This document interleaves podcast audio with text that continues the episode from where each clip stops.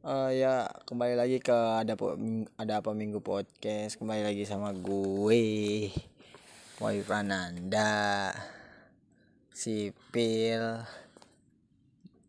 Uh, selamat. Uh, aduh. Selamat ulang tahun kepada Indonesia yang keberapa sih? Ke 76 uh, supaya uh, gue berdoa supaya pandemi ini cepat kelar. Eh, nggak uh, ada nggak ada lagi lah. Pokoknya udahlah. Cap semua udah capek gue udah nggak tahu udah mau ngapain lagi. Hmm ya gitulah. Aduh ada yang paling oh iya nih. Uh, oh iya juga tuh uh, buat Afghanistan itu uh, uh, stay safe sih. Serem banget sih itu yang gua tonton tuh. Dari yang uh, apa dari yang di kapal itu di ditolong sama US gua nggak tahu itu kronologi gue belum baca sih kronologinya kayak gimana cerita pihak dari mananya siapakah yang siapakah iniannya siapakah orangnya hmm, itu kacau banget sih yang di kejadian di pesawat yang bahkan orang-orang Afghanistan Afghanistan tuh berebutan buat masuk ke dalam kapal ter, kapal penyelamat tersebut karena udah didesak dari serangan-serangan dari pasukan apa sih gue tau lah. Gitu sedih banget sih cuy. Uh, terus gue ngeliat kayak foto dari dalamnya tuh di dalam kabinnya. Nyata gue gue kira tuh uh, sangat banget amat banget sempit. Itu sempit banget sih menurut gue um, ya terus uh, kenapa sih ketika media se membuat sebuah kebenaran realita dan nyata padanya uh, tiba-tiba salah satu media itu dikecam kalau nggak bakal dikecam tuh dibunuh uh, ya kenapa? Sebenarnya kan media hanya mem ini ya uh, menyampaikan informasi yang sebenarnya yang terjadi dalam itu kan yang walaupun terkadang berita dari mereka itu bisa dilebih-lebihkan ya. Tapi menurut gue sih gak harus di ini ya uh, gak harus di orangnya yang eh nggak harus individualnya yang diserang tapi tuh harusnya dari ini aja ya. Uh, apa dari apa salah satu iniannya medianya tuh harusnya tuh yang diserang medianya bukan perorangan. Karena uh, kalau kayak gitu tuh jatuhnya kayak kayak apa sih ya? Hmm, kayak ancam sebuah ancaman gitu sih menurut gua jadi ngeri banget sih kalau kayak gitu. Ya emang jurnalis emang kayak gitu sih kerjanya. Sangat-sangat kejam gitu. Hmm, beri apa lagi ya? Iya nih eh, iya hmm. air-air ini banyak kebakaran gitu ya di daerah Jakarta itu gue nggak tahu sih itu kenapa. Banyak banget. Jakarta tuh sah seminggu bisa empat atau tiga kali deh kayak kebakaran di tempat-tempat Jakarta gitu tuh gila men iseng banget. Padahal kan musimnya mungkin musim-musim kemarau kali ya. Soalnya panas banget sih. Dan banyak orang yang ya nggak tahu sih gimana iniannya. Oh iya tuh oh, jangan lupa ppkm diperpanjang sampai sampai 23 Agustus kayaknya hari Senin ya? Oh iya. Um, tapi itu kayak hanya ini doang. Eh, apa? Tapi hanya ber uh, ganjil genap. Dalam ppkm itu ganjil genap buat mobil-mobil sih kayaknya. Uh, untuk motor sih bisa dilaluin uh, kemarin gue udah coba kok di jalan-jalan ternyata nggak aman. Motor sama oh, yang dinin mobil doang sih untuk ganjil genapnya. Uh, kayak gue capek ya kalau buat ngebahas tentang ppkm ini. Yang penting gue nyari yang ini ya nyari yang lain aja deh hmm bahasa apa sih ya aduh. Bahas apakah yang terjadi? Um, oh ya uh, buat lu jangan lupa kalau ada yang mau nanya ke bisa ke ada at eh ada ada apa minggu podcast at gmail.com uh, jangan lupa follow Wahyu Pranan Wahyu underscore Prananda belakangnya dua. Uh, yang mau nanyanya bisa ke situ lah. Ayo emang. Hmm. wow. Uh, ibu-ibu ini sedang rame ya. Um, semenjak semenjak foto posternya itu di apa? Di mana ya? Dipajang di sebuah sepanjang jalan itu. Terus kayak mereka nggak perlu kayak ini sih. Uh, cuman nggak tahu kenapa PD aduh. Dari ibu-ibu itu hmm, dengan dengan salah satu dengan koalisi partainya tersebut uh, dari anggota salah satu koalisi partai tersebut uh, mereka bilang uh, dia tak butuh suara karena mereka uh, orang-orang tahu dia siapa. Ya paham. Kalau dia orang-orang tahu dia siapa kenapa harus balihonya dipasang? Kan nggak mungkin kan? Nggak uh, mungkin dong ada orang yang bikin baliho buat itu. Kalau nggak ada duitnya. Ah, mana mungkin men orang ngurin nggak ada duitnya. Kalau bukan bukan lingkaran dia nggak mungkin lah. Sementara keadaan lagi sulit kayak gini nggak ada kan orang-orang yang itu. Um, apa lagi ya aduh uh, iya ya gini ya uh, iya nih gue mau nanya juga uh, tujuan karangan bunga itu apa ya?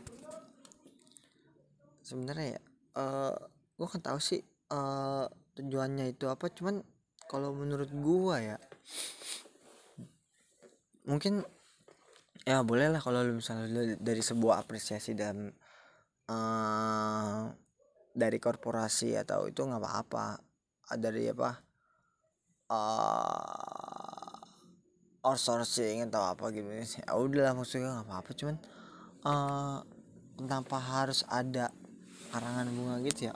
Harusnya kan sebenarnya tuh uh, dengan dia dengan lu ngasih du uang pun daripada lu ngasih ucapan yang sebesar itu harusnya duitnya tuh bisa terkumpul lebih banyak dan lebih bermanfaat yang di eh lebih digunakan lebih bermanfaat dibanding lu yang hmm. eh sorry sorry, sorry. di dibanding lu yang apa yang uh, lu lu panjang terus seminggu dua tiga hari empat hari lima seminggu sampai seminggu lah itu bakal nggak kepake cuy. Sumpah. Uh, setahu setahu setahu gue yang udah-udah aja dibuang. Sayang banget sih menurut gue kalau lu warin dengan lumayan harganya ya. Lebih baik lu uh, dengan cara lokasi orangnya yang lebih membutuhkan orang yang sedang berduka cita itu lebih uangnya kepa lebih kepake banget sih cuy daripada lu harus bikin karangan bunga karena itu bermanfaat buat bagi dia. Di saat kayak gitu mereka pun nggak tahu itunya gimana. Um, oh iya yeah, uh, oh gue gue nggak ngerti ya uh, uh, katanya sih ada vaksin tiga kali itu maksud gue mau sampai terus kita mau vaksin sampai berapa kali gitu untuk menjadi imunnya kuat? Kita nggak bisa cuy. Maksudnya kalau semua orang disuntik terus terus biayanya masuk terus biaya vaksinnya itu mau gimana nah enggak bukan mau gimana gimana bukan gimana atau gimana sih cuman uh, mau sampai kapan kita harus vaksin terus? Dan pada akhirnya yang kuat ya imun kita sendiri. Karena kita yang belajar dari uh, oke okay lah dulu kita emang udah uh, kotor. Uh, kayak gue tuh gue kotor uh, dulu gue jarang mandi uh, cuci tangan pun gue jarang cuci kaki pun jarang. Oh iya ngantuk gue nah, dan ketika covid ini gue uh, lebih kayak peduli dengan diri gue sendiri sih supaya gue nggak membahayakan apa nggak membahayakan dari bahayakan diri gua temen gua keluarga gua itu gua gua berupaya banget sih. Gua lebih gue menghargai mereka daripada menghargai virusnya karena ya mereka lebih uh, lebih penting gitu daripada itu. Gue jadi sekarang cuci tangan mulu cuci kaki mandi mandi mandi. Hmm. Kita bahas, bahas apa lagi ya um, anak sekolah anak sekolah. Um, ada um, ya lanjut uh, um, kayaknya ini deh uh, ada ibu-ibu bukan ibu-ibu ya si ibu-ibu yang membela seorang presiden membela sebuah anaknya uh, dengan bilang seperti ya aduh mana sih nih lupa lagi? Dengan membilang coba lihat Pak Jokowi saya suka nangis loh. Beliau itu saya itu sangat kurus.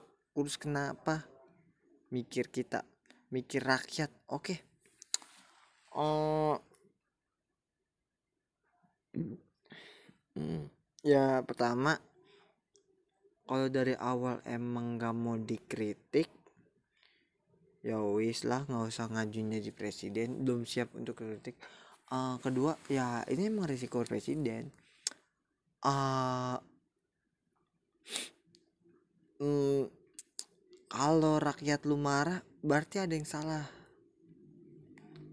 Uh, kalau ada yang rakyat uh, emang kadang kan uh, kayak kalau ada yang marah tuh karena ya dia ngerasa mungkin negara ini merdeka tapi kan uh, banyak beberapa aspek pun beberapa as eh, beberapa orang yang ngerasa ini negaranya loh yang merdeka bukan kita. Nah itu ini pikirannya. Merdekanya itu satu Indonesia. Oke berarti semua seluruh warga Indonesia pun ikut merasakan kemerdekaan bahkan ada ada beberapa orang yang gak ikut merasakan kemerdekaan karena dengan hidupnya yang seperti di bawah rata-rata dan mereka pun gak uh, pemerintah pun gak nolong maksudnya gitu um, soalnya kenapa? Pertama uh, dari ini deh uh, dari atlet. Gue dulu sempat kayak berpikiran jadi atlet lari. Terus karena gue berpikir atlet lari itu ya men menurut gua atlet lari tuh kayak hmm, ketika sudah tua tuh kayak nggak pernah dihargain. Karena yang udah-udah banyak nih pertama yang tukang las eh pertama dia jadi up aduh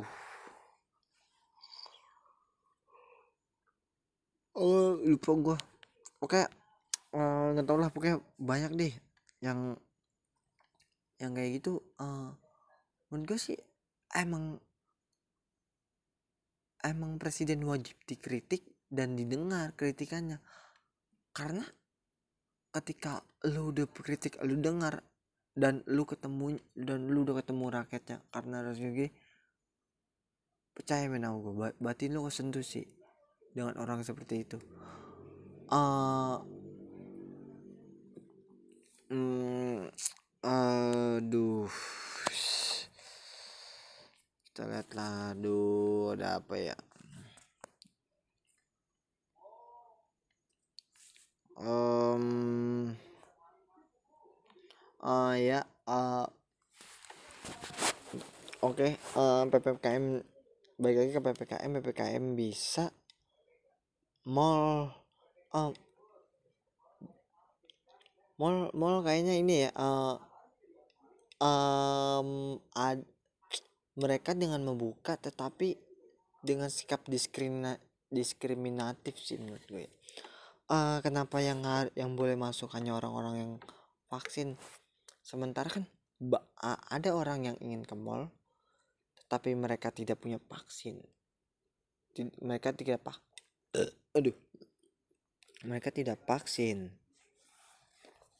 Dan mereka tuh uh, mungkin salah satu mereka dari mereka ada yang masih covid uh, 19 uh, dalam jadi dalam vaksin proses vaksinasi itu uh, ada waktu tiga bulan sebelum kalian positif eh sesudah kalian positif baru bisa di nian lagi di vaksin oh udah gak ada kuat gue eh, ketika lu itu mah ya udah nggak bisa lah.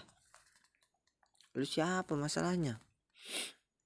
Udah divaksin tapi itu kayak gini tuh menurut gue sikap diskriminatif banget. Ya benar sih tapi pemerintah nggak salah juga untuk menekan angka covid dan ini. Aduh sulit sih men kayak gini kalau bisa jangan bertindak kayak gitu sih kan menurut gua jangan ada diskriminatif tambah diskriminatif lagi. Mereka pun jadi bingung puyang lo kok kita yang nggak vaksin didiskriminatif? Kan jelek banget kan menurut gua. Uh, sikap ini tuh emang dari dulu dari ada sih. Semua manusiawi. Orang-orang juga banyak yang sikapnya diskriminatif. Pu mereka bukan banyak uh, punya. Tapi wah waduh dalam diskriminatif ini lo ada yang harus toleran ada yang ada yang harus nggak pantas untuk ditoleran sih gitu. Um, rapat DPD berakhir ricu oke okay. uh, eh, jangan lupa uh, jering sudah divaksin ya. Dari info doang uh, rapat DPRD berakhir ricu oke okay. uh, aduh aduh ricu lagi oke okay. mungkin ricunya gini ya hmm, um, pak untuk anggaran tahun depan pak uh, kita butuh anggaran itu sekitar 2 triliun untuk membantu masyarakat masyarakat kita. Uh, terus kayak ada ada, mungkin ada sesekelompok orang atau ada beberapa orang yang nggak setuju sama pemikirannya sih. Eh pak nggak bisa dong pak. Ah dua triliun itu ini uang yang sangat banyak pun dan nggak bisa ditemukan dalam satu kejap atau beberapa bulan ini tuh kita harus pikirin matang-matang loh. Uang yang yang lu pakai tuh uang rakyat men. Ya sebagai lu sebagai korporasi-korporasi uh, atau instansi-instansi pemerintah harusnya lu harus pergunakan uang itu dengan baik. Yang dengan cermat sih. Soalnya kan karena uh, lu bergerak karena rakyat lu pun ikut bergerak gitu. Bukan lu bergerak sendiri. Tapi jangan yaudah lu jangan paksa. Tapi dari masyarakatnya pun ya kayak untuk respect terhadap pemerintah pun kayak nggak ada uh, kayak gini uh, mereka mungkin udah dikecewain dengan dengan beberapa ini ya dengan beberapa kayak visi misi yang mereka nyatakan sebelum ini ya sebelum perang. Eh sebelum apa sih? Sebelum dipilih ya ketika mereka masih jadi calon kepresidenan. Uh, kenapa mereka harus kayak gitu ya? Gue udah gak ngerti sih kayak gitu hmm. nah ini ada nih. Uh, gue gak ngerti sih sama para korupsi yang masih bertawa ini nih. Tuh bagus ya.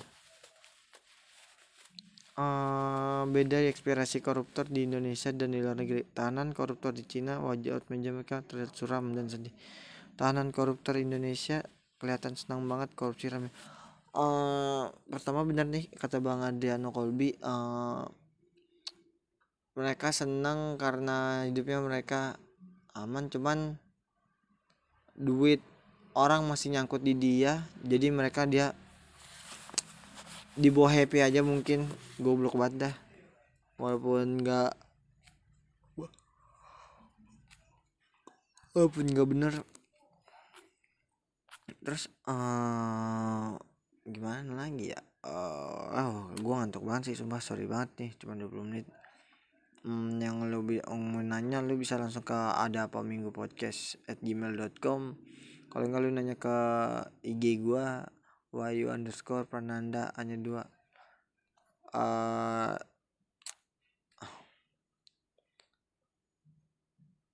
uh, see you semuanya goodbye